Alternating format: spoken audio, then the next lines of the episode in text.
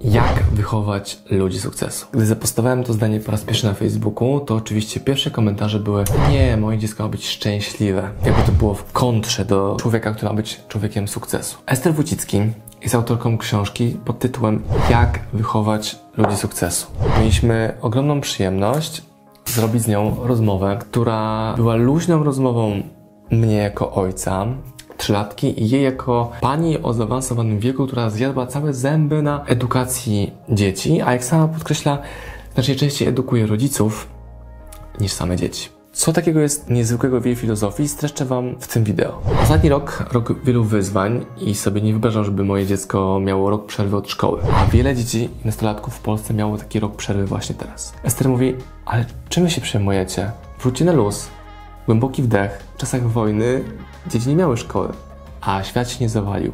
all you parents that are worried, I would advise you to calm down. It's only one year. It's not five years like it was in World War II. Z jak ogromnym luzem to powiedziała, mi dała mnóstwo spokoju i takiego, no w sumie tak, masz rację. Wiele osób mówi, że trzeba wrócić jak najszybciej do poprzedniego sposobu edukacji, ale przecież on był, jest beznadziejny, oparty na słuchaniu, oparty na notowaniu, na zapamiętywaniu, a nie na praktycznych kompetencjach, które później przydarzą się w życiu. To słynne świętowanie końca szkoły, że wow, super koniec szkoły, jest przerwą na 2-3 miesiące, czasami nawet dłużej i przerwą, która powoduje, że ta nauka przez ostatnie 9 miesięcy, 8 miesięcy jest nauką bezwartościową, bo niewdrażalną, niezapamiętywalną, a wręcz gubioną, zapominaną przez te miesiące przerwy. I Esther też ogromną uwagę na to właśnie zwraca. Jej cała metodologia zawarta w tej książce opiera się na pięciu fundamentach. Pierwszy to buduj zaufanie.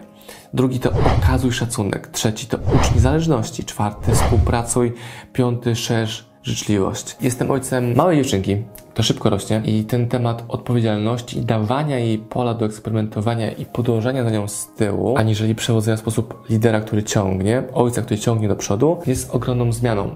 Testujemy to od dawna. Widzimy mega efekty tego, gdy dajemy odpowiedzialność dziecku za to, co wybierze sobie do ubrania. To, na co ma ochotę do jedzenia. To, że jeśli chce łyżkę czy talerzyk, musi sama sobie pójść szuflady i ten talerzyk wziąć. Widzę wokół siebie mnóstwo rodziców, którzy mają pięcioletnie dzieci, które nie potrafią same jeść łyżką, albo mają czterolatki, które dalej chodzą w pieluszce. I Esther pokazuje, jak bardzo ważne jest to, żeby jak najszybciej dziecku oddać odpowiedzialność i patrzeć, w jaki sposób ono sobie tam radzi. Pomagać mu gdy tej pomocy ono od nas prosi, a nie gdy nam się wydaje, że trzeba pomóc. Wszystko oczywiście jest w takich normach bezpieczeństwa, że dziecko no nie umrze, bo nie zdąży go złapać, gdy spada z szafki, ale pokazujemy, jak tą szafkę wejść, zastanowienie kompetencji wspinania się, albo pokazujemy konsekwencje albo alternatywy. Jestem ogromnie daleki od tego, żeby się jako rodzic wymądrzeć, bo mimo dziecko jest starsze, tym mam wrażenie, że mniej wiem na temat tego wychowania, ale z drugiej strony jestem coraz bardziej rodzicem, który podąża z tyłu, obserwuje dziecko i daje mu siebie tyle, ile on tego potrzebuje. Jeżeli ktoś nie ma dzieci, to pewnie to, co mówię na niego brzmi zupełnie abstrakcyjnie, ale ten, kto ma, być może odnajdzie w tym elementy dla siebie wartości. Okazywanie szacunku to nie jest tylko szacunek taki klasyczny, rozumiany, ale z szacunku do Ciebie pozwalam Ci mieć niezależność. Szanuję Twoje decyzje. Patrzę, aby za Tobą podążać. Zaufanie.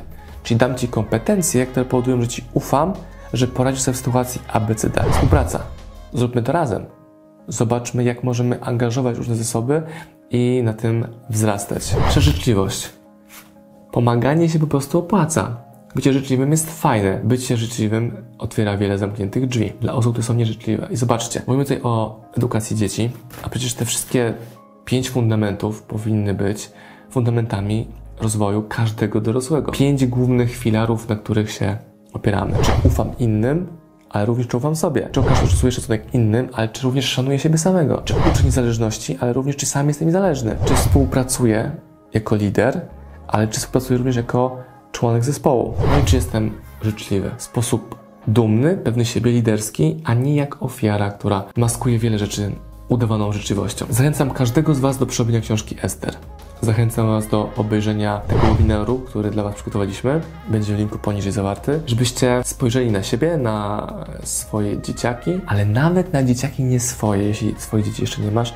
Gdy wchodzisz w jakąś grupę dzieci, jesteś urodziny, u znajomych, tam gdzie są dzieciaki, jak w różny sposób można podejść do ich działania, wychowywania i jest to wytrych do dziecięcych umysłów i serc, pokazujący, jak wychować ludzi sukcesu, a może również, jak wychować ludzi sukcesu jako rodzice my sami. A to wideo nagrywam w momencie, gdy moje dziecko poszło spać. Bo jest to jedna z scen, które płacimy za to, że jesteśmy rodzicami. Że roboty, którą kiedyś można było realizować podczas dnia, weekendy, kiedy tylko sobie chcesz. Teraz musisz upchnąć momenty, gdy dziecko tą przestrzeń daje, bo na przykład się regeneruje, jak w tym przypadku śpi. Pozdrawiam. Wydawca polskiej książki Ester Wójcicki Jak wychować ludzi sukcesu oraz tata trzyletniej Oliwki.